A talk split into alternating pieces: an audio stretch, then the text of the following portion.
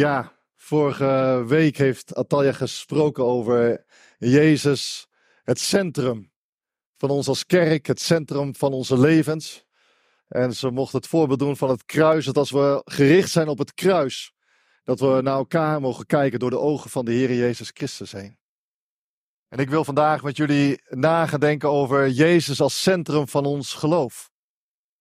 En ik ben afgelopen vijf jaar betrokken geweest hier bij deze kerk. En in de komende weken komt daar een einde aan als voorganger van deze kerk. Maar uh, als ik terugkijk op de afgelopen jaren, dan ben ik heel dankbaar voor de contacten die ik hier heb gehad. Voor de gesprekken, voor vriendschappen, voor mooie momenten met heel veel verschillende mensen. En het is ook mooi om dan op, over dit thema te mogen spreken. Jezus het centrum van ons geloof.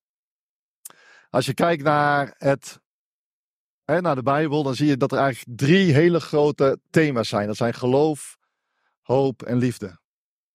En als we kijken naar 1 Corinthians 13, vers 13, dan staat daar: Dit is wat blijft. Geloof, hoop en liefde, deze drie. Maar de grootste daarvan is de liefde. Als je kijkt naar het christelijk leven, dan kan je dat voorstellen als een zeilboot. Een zeilboot met drie zeilen geloof, hoop en liefde. En de grootste van deze zeilen is de liefde. En je kan je misschien afvragen, hoe kan dat groter zijn dan geloof en hoop?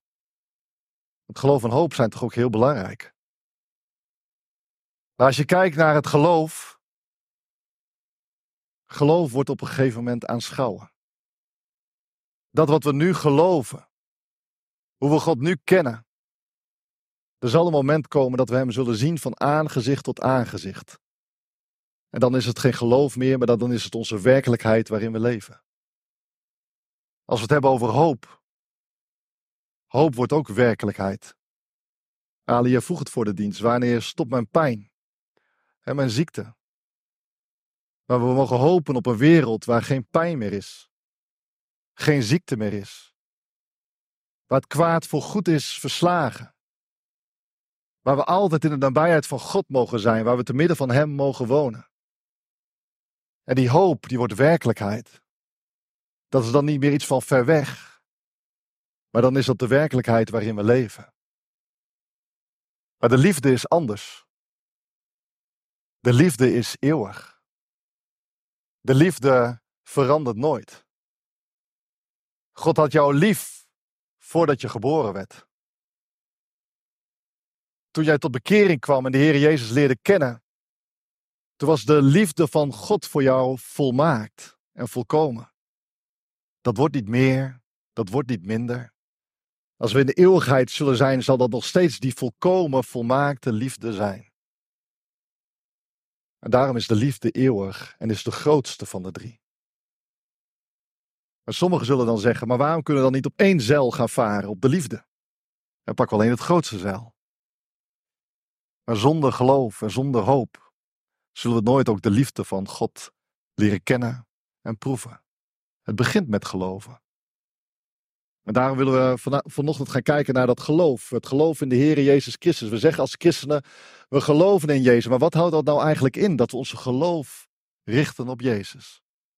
En we willen daarna gaan kijken vanuit Johannes 3, vers 1 tot en met 16.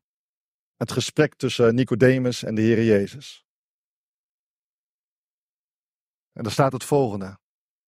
Zo was er een fariseer, een van de Joodse leiders met de naam Nicodemus. Hij kwam in de nacht naar Jezus toe. Rabbi, zei hij, we weten dat u een leraar bent die van God gekomen is. Want alleen met Gods hulp kan iemand de tekenen verrichten die u verricht. En Jezus zei werkelijk, ik verzeker u, alleen wie opnieuw wordt geboren kan het koninkrijk van God zien. Hoe kan iemand geboren worden als hij al oud is? vroeg Nicodemus. Hij kan toch niet voor de tweede keer de moederschoot ingaan en weer geboren worden? Jezus antwoordde: Werkelijk, ik verzeker u, niemand kan het koninkrijk van God binnengaan, tenzij hij geboren wordt uit water en geest. Wat geboren is uit een mens, is menselijk. Wat geboren is uit de geest, is geestelijk. Wees niet verbaasd dat ik zei dat jullie opnieuw geboren moeten worden. De wind waait waarheen hij wil. Je hoort zijn geluid, maar je weet niet waar hij vandaan komt en waar hij heen gaat. Zoals het ook met iedereen die uit de geest geboren is. Maar hoe kan dat? vroeg Nicodemus. Begrijpt u dit niet, zei Jezus, terwijl u een leraar van Israël bent? Werkelijk, ik verzeker u, wij spreken over wat we weten. En we getuigen van wat we gezien hebben. Maar jullie accepteren ons getuigenis niet. En wanneer jullie me niet geloven als ik over aardse dingen spreek, hoe zouden jullie me dan geloven als ik over de hemelse dingen spreek? Er is toch nooit iemand opgestegen naar de hemel, behalve degene die uit de hemel is neergedaald, de mensenzoon. De mensenzoon moet hoog verheven worden, zoals Mozes in de woestijn de slang omhoog geheven heeft, opdat iedereen die in hem gelooft eeuwig leven heeft. Want God had de wereld zo lief, dat hij zijn enige zoon heeft gegeven, opdat iedereen die in hem gelooft niet verloren gaat, maar eeuwig leven heeft. Tot zover de schriftlezing. Laten we ons eens proberen in te leven in Nicodemus. Nicodemus groeide op in een Joods gezin. Nou vroeg kreeg hij te horen van de verhalen uit het Oude Testament. Over Mozes die het volk Israël uit Egypte leidde. Dwars door de Schelfzee en de woestijn. Hij leerde over David, een man naar Gods hart. Die op jonge leeftijd de strijd aanging met Goliath. En de reus versloeg. Hij leerde over Jezaja. Prachtige profetie over een vrederijk die ooit zal komen. Over een Messias. En ergens op jonge leeftijd was deze Nicodemus tot geloof gekomen in de God van Abraham, Isaac en Jacob. Hij had zijn leven toegewijd aan deze God. Hij wilde deze God dienen, zoals de mensen uit het Oude Testament God hadden gediend. En dus was hij God gaan volgen. Hij was naar de beste scholen gegaan. Had theologie geleerd. Het hele Oude Testament uit zijn hoofd. Hij leerde de wetten van Mozes kennen door en door. En hij leerde ze ook toe te passen in zijn leven. Hij leerde kritische vragen te stellen aan de schrift. En hij leerde zo een onderwijzer te worden van het volk. En zo groeide Nicodemus op, totdat hij een man werd van aanzien. Een onderwijzer van het volk. Ouders zullen tegen hun kinderen hebben gezegd: luister maar goed naar Nicodemus. Want hij weet hoe het zit. Kijk eens naar Nicodemus. Hij leeft het leven voor van een ware Israëliet. Nicodemus. Dat is een eervolle, respectabele man. Een ware Israëliet. En toch miste Nicodemus wat. Het geloof zat wel hier in zijn hoofd, maar hij miste het hier in zijn hart. En ergens maakte Jezus iets los bij hem. Want Jezus sprak op een manier over God, zoals hij dat nog nooit had gehoord. Hij zag Jezus dingen doen die hij nog nooit iemand anders had zien doen. Hij was onder de indruk geraakt van Jezus en hij wilde iets meer weten van Jezus, iets meer leren van Jezus. Maar ja, zijn eer en zijn aanzien stond hem ergens ook wel een beetje in de weg. Want hoe kon hij, een leraar van het volk, naar zo'n eenvoudige timmerman gaan om advies te vragen? Om door hem onderwezen te worden. En dus gaat Nicodemus s'nachts naar de Heer toe. Op het moment dat niemand het ziet en niemand het hoort. En misschien zit jij hier wel vanochtend. En herken jij je misschien wel een beetje in een Nicodemus.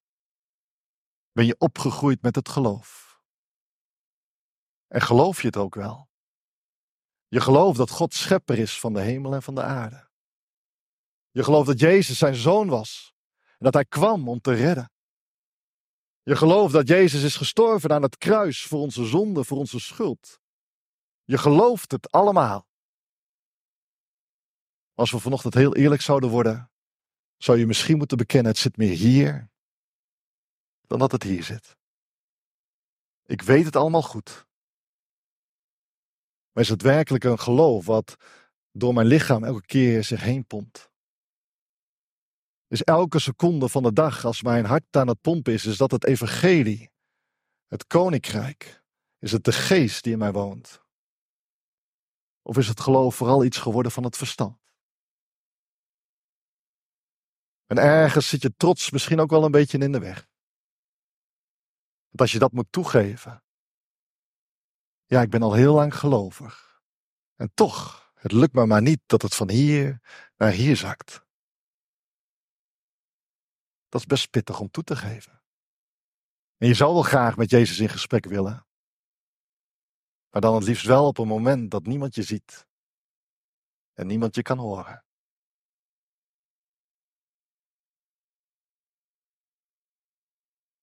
En zo komt Nicodemus bij Jezus. En ik geloof dat Nicodemus lang heeft nagedacht over de eerste zin, hoe hij moet beginnen naar Jezus toe. En hij zegt tegen Jezus, Jezus, ik weet dat u een onderwijzer bent, dat u een rabbi bent. Ik weet dat u van God gekomen bent, want u doet zulke grote wonderen. Prachtige woorden van zo'n eervolle man. Jezus zou zich vereerd moeten voelen. Maar Jezus gaat helemaal niet in op wat Nicodemus zegt. Jezus zegt tegen Nicodemus: Werkelijk, ik verzeker u. Niemand kan het koninkrijk van God zien, tenzij hij opnieuw geboren wordt. Werkelijk, ik verzeker u. In de oudere vertalingen staat voorwaar, voorwaar, ik zeg u. Als je kijkt naar de grondtekst, dan staat er Amen, Amen, ik zeg u.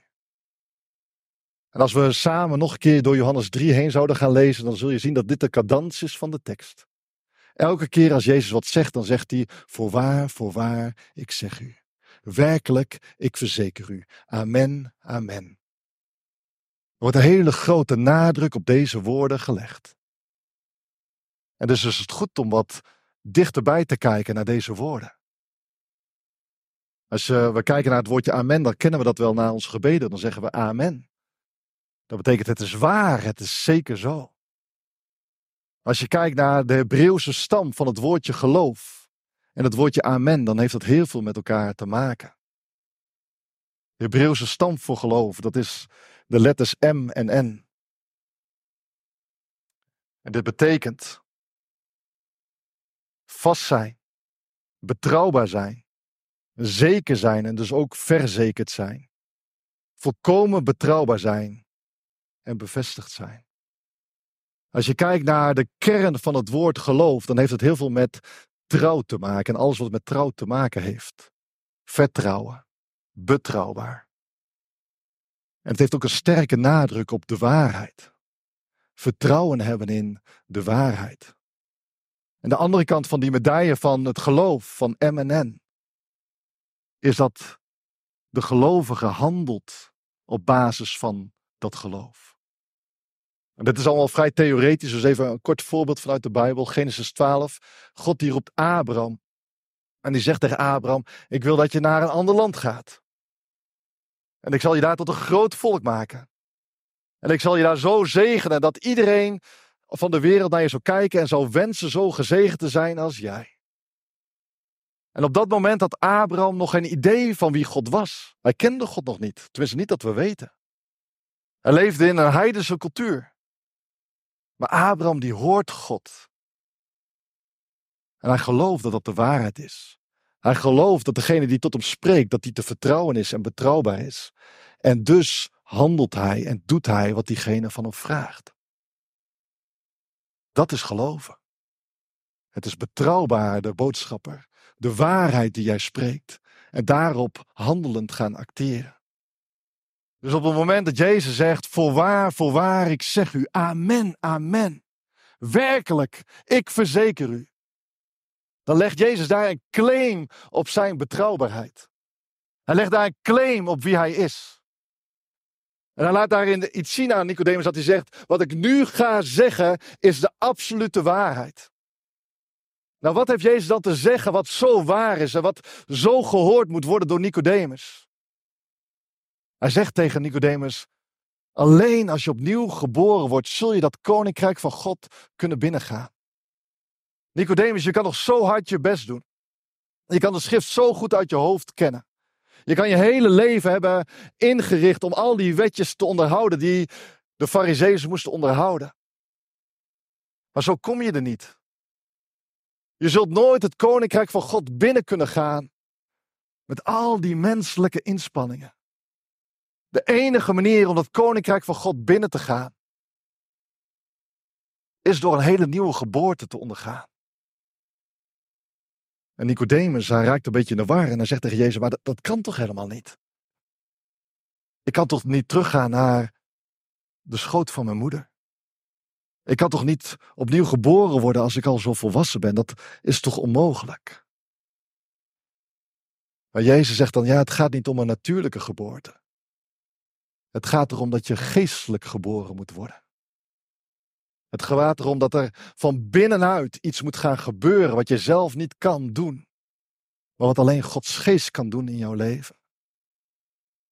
Het is een geestelijk opnieuw geboren worden. Het is een gereinigd worden van binnenuit. Het is een nieuw hart. Het is een nieuwe beleving. Het is een nieuwe werkelijkheid. Het is iets wat alleen Gods geest kan geven aan jou. En alleen als je daardoor geboren wordt, dan kun je dat koninkrijk van God binnengaan. En zoals Jezus dat tegen Nicodemus zei, zo zegt hij dat vanochtend ook tegen ons. En de vraag is, waar richt jij je hoop op? Waar is jouw geloof op gericht? Richten we ons op allemaal natuurlijke inspanningen? Of zijn we diep van doordrongen dat vanuit onze eigen menselijke natuur we God nooit kunnen behagen, dat we nooit het koninkrijk van God binnen kunnen gaan, dat we het zelfs nooit zullen zien? Dat we het alleen maar kunnen ontvangen door de geest van God. En sommigen van ons die zullen het allemaal verstandelijk op een rij hebben en zeggen van ja, tuurlijk vertrouw ik alleen op Jezus en niet op mijn eigen natuurlijke mogelijkheden. Maar de vraag is dan, is het ook zichtbaar in je leven?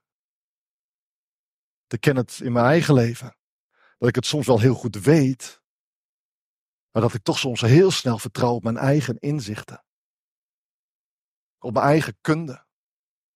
Op mijn eigen doortastendheid. Op mijn eigen energie. Op alles wat ik van het natuurlijk heb gekregen. Dat ik elke keer weer terug moet gaan naar die basis. Heer, ik kan het alleen beërven. Ik kan het koninkrijk van God alleen binnengaan. Door uw geest. Door die geboorte die u in mij hebt gegeven.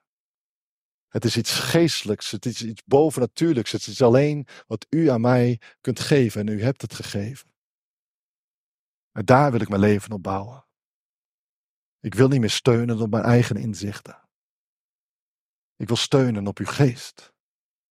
En ik wil leven vanuit het hart wat u hebt vernieuwd. En ik wil leven vanuit de passie voor u. En ik wil mij elke keer weer onderwerpen aan de geest. Die mij wil leiden. En mij wil vormen. En die mij wijsheid wil schenken. Die niet van mezelf is, maar die van boven is. Waar stel jij je geloof op? Jezus komt met nog een voorbeeld na Nicodemus. Hij zegt tegen Nicodemus van je weet wel dat we toen we door de woestijn introkken het volk. En het volk had Gods machtige hand gezien. En ze hadden gezien hoe God had bevrijd. En hoe hij had voorzien in eten en in van alles en nog wat. Maar ook hoe het volk in opstand was gekomen tegen God. En ze hadden gezondigd. En ze hadden God teleurgesteld. En toen had God als straf gegeven giftige slangen die door het kamp heen gingen. En ze beten allemaal mensen dood. En de mensen riepen om hulp naar Mozes en naar God van help ons, we gaan dood, we sterven hier. En toen gaf God aan Mozes de opdracht om een koperen slang te maken en die op een staak te plaatsen en die omhoog te heffen. En iedereen die gebeten werd door de slang en die naar de koperen slang keek, die stierf niet, maar die mocht leven. En Jezus zegt, en evenzo zal de mensenzoon verhoogd worden op een staak. Hij is het centrum van onze geschiedenis. Het middelpunt waar alles om draait. En als wij onze hoop en ons geloof richten op die man daar op die staak, te midden van onze geschiedenis, dan zullen we niet sterven. Maar dan zullen we het eeuwige leven ontvangen. En de vraag is, waar focus jij op? Want in onze samenleving zijn ook veel giftige slangen. De giftige slang van de economie, van het geld. Het kan je doodbijten. Vele mensen zijn gevallen voor het geld, voor het leven hier en nu. We kunnen de giftige slang hebben van erkenning. Altijd maar weer op zoek dat mensen me leuk vinden, me zien, me waarderen. We kunnen er zo moe van worden. Het is een giftige slang die ons leegzuigt totdat we sterven. We kunnen te maken hebben met de giftige slang van het hedonisme. Ik wil altijd maar meer en meer en meer. Ik wil een groter huis, grotere auto, grotere vakanties, duurdere kleren, duurdere etentjes, duurder, meer, meer, meer, meer, meer. Want we zijn onverzadigbaar in onze maatschappij. Het hedonisme, het kan ons doodbijten. Of we richten onze hoop op het kruis. Op een naakte man. Afzichtelijk ziet hij eruit. Als je naar hem kijkt, dan heb je het idee, wat heeft hij nou te geven? Wat heeft hij nou te bieden? Geen geld. Hij krijgt geen eer. Hij heeft helemaal niks. Het enige wat hij had, was liefde. Liefde voor jou en voor mij. Compassie over onze gebrokenheid. Over onze zonde. hij stelde een oneerlijke ruil voor. Geef jij maar je zonde, dan geef ik jou vergeving. Geef mij maar je pijn en je verdriet. Ik wil jou je vrede geven.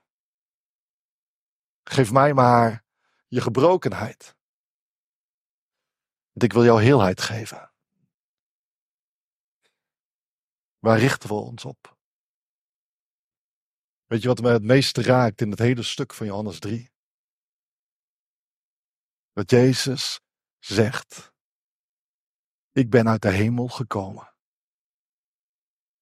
En Jezus heeft daar in de hemel heeft hij talloze mensen gezien die een hoop hadden gericht op rijkdom of macht, eer, voor al die andere dingen die de wereld te bieden hadden. Hij had zoveel mensen zien sneuvelen. Zoveel mensen die ergens wel verlangden naar God, maar het koninkrijk van God nooit binnen konden gaan. Amen, amen, zegt hij dan. Het is werkelijk zo. En wat ik zeg is betrouwbaar. Ik heb het zoveel gezien dat mensen het wel probeerden binnen te komen, maar het lukte ze niet. En de enige manier om binnen te komen, om dat koninkrijk van God te beërven, is als je opnieuw geboren wordt. Is als je je hoop richt op die mensenzoon, daar op die staak in het midden van onze geschiedenis. Het is je enige hoop. Het is het enige wat waar is. Het enige waar we op ons op mogen richten. Het is onze redding. Eloïse Leclerc schrijft in zijn boek dat hij op een gegeven moment in een Duits kamp was in de Tweede Wereldoorlog. In Boegenau. En op een gegeven moment kwam een heel transport Hongaarse Joden kwam binnen. Het waren allemaal verslagen mannen en vrouwen. Het was een tussenstop. Ze zouden doorgaan naar Auschwitz.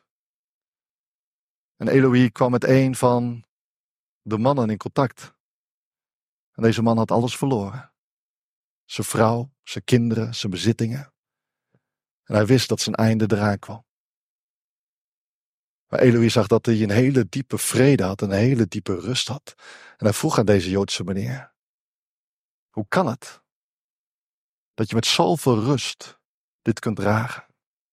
Je hebt zoveel verloren en je weet dat je naar je einde toe gaat. Hoe kan dat? En toen citeerde deze Joodse man die tot geloof was gekomen in Jezus de Messias. Matthäus 6, vers 11. Mijn vader weet wat ik nodig heb, nog voordat ik hem vraag.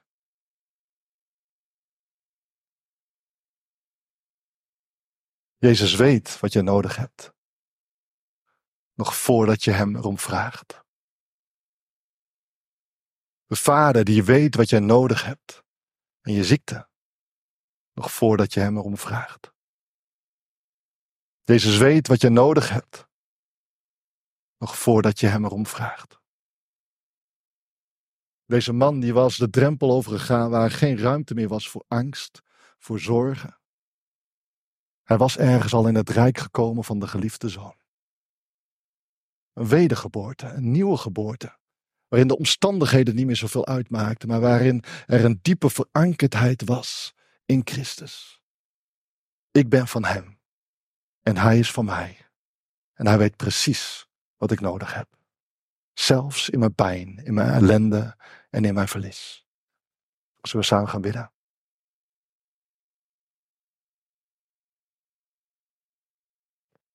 Ja, lieve Heer Jezus. U bent het centrum van ons geloof. Niemand is naar de hemel opgevaren, maar u bent vanuit de hemel neergedaald. Wat u zegt is waar. En u bent te vertrouwen. En Heer, soms kunnen we zo door onze omstandigheden, kunnen we zo afgeleid worden en zo gefocust raken op ons leventje van elke dag. Kunnen opgeslokt worden door zorgen, door angsten, of door de doelen van deze wereld na te jagen. Maar u roept ons om voor iets hogers te leven. Voor het koninkrijk van God. Voor de Heer van dat koninkrijk.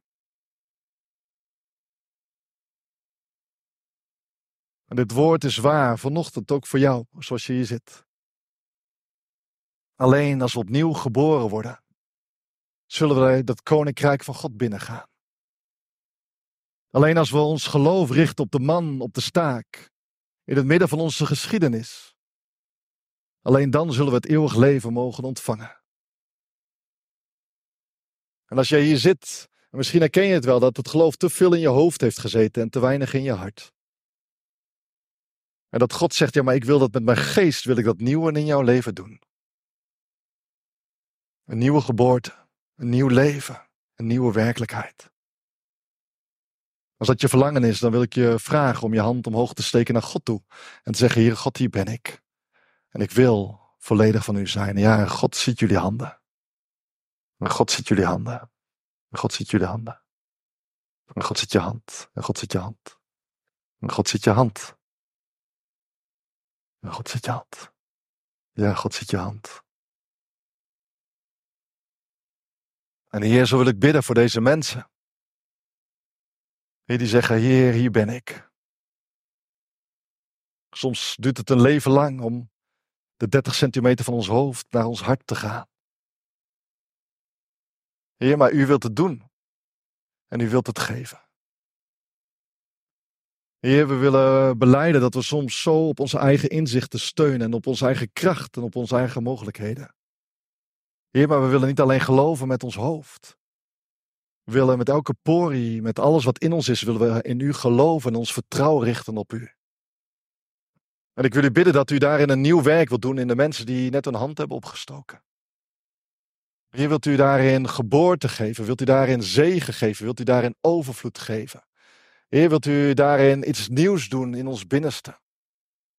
Heer, wilt u ons helpen u niet te klein te maken, niet te menselijk, niet te veel in te passen in ons leven.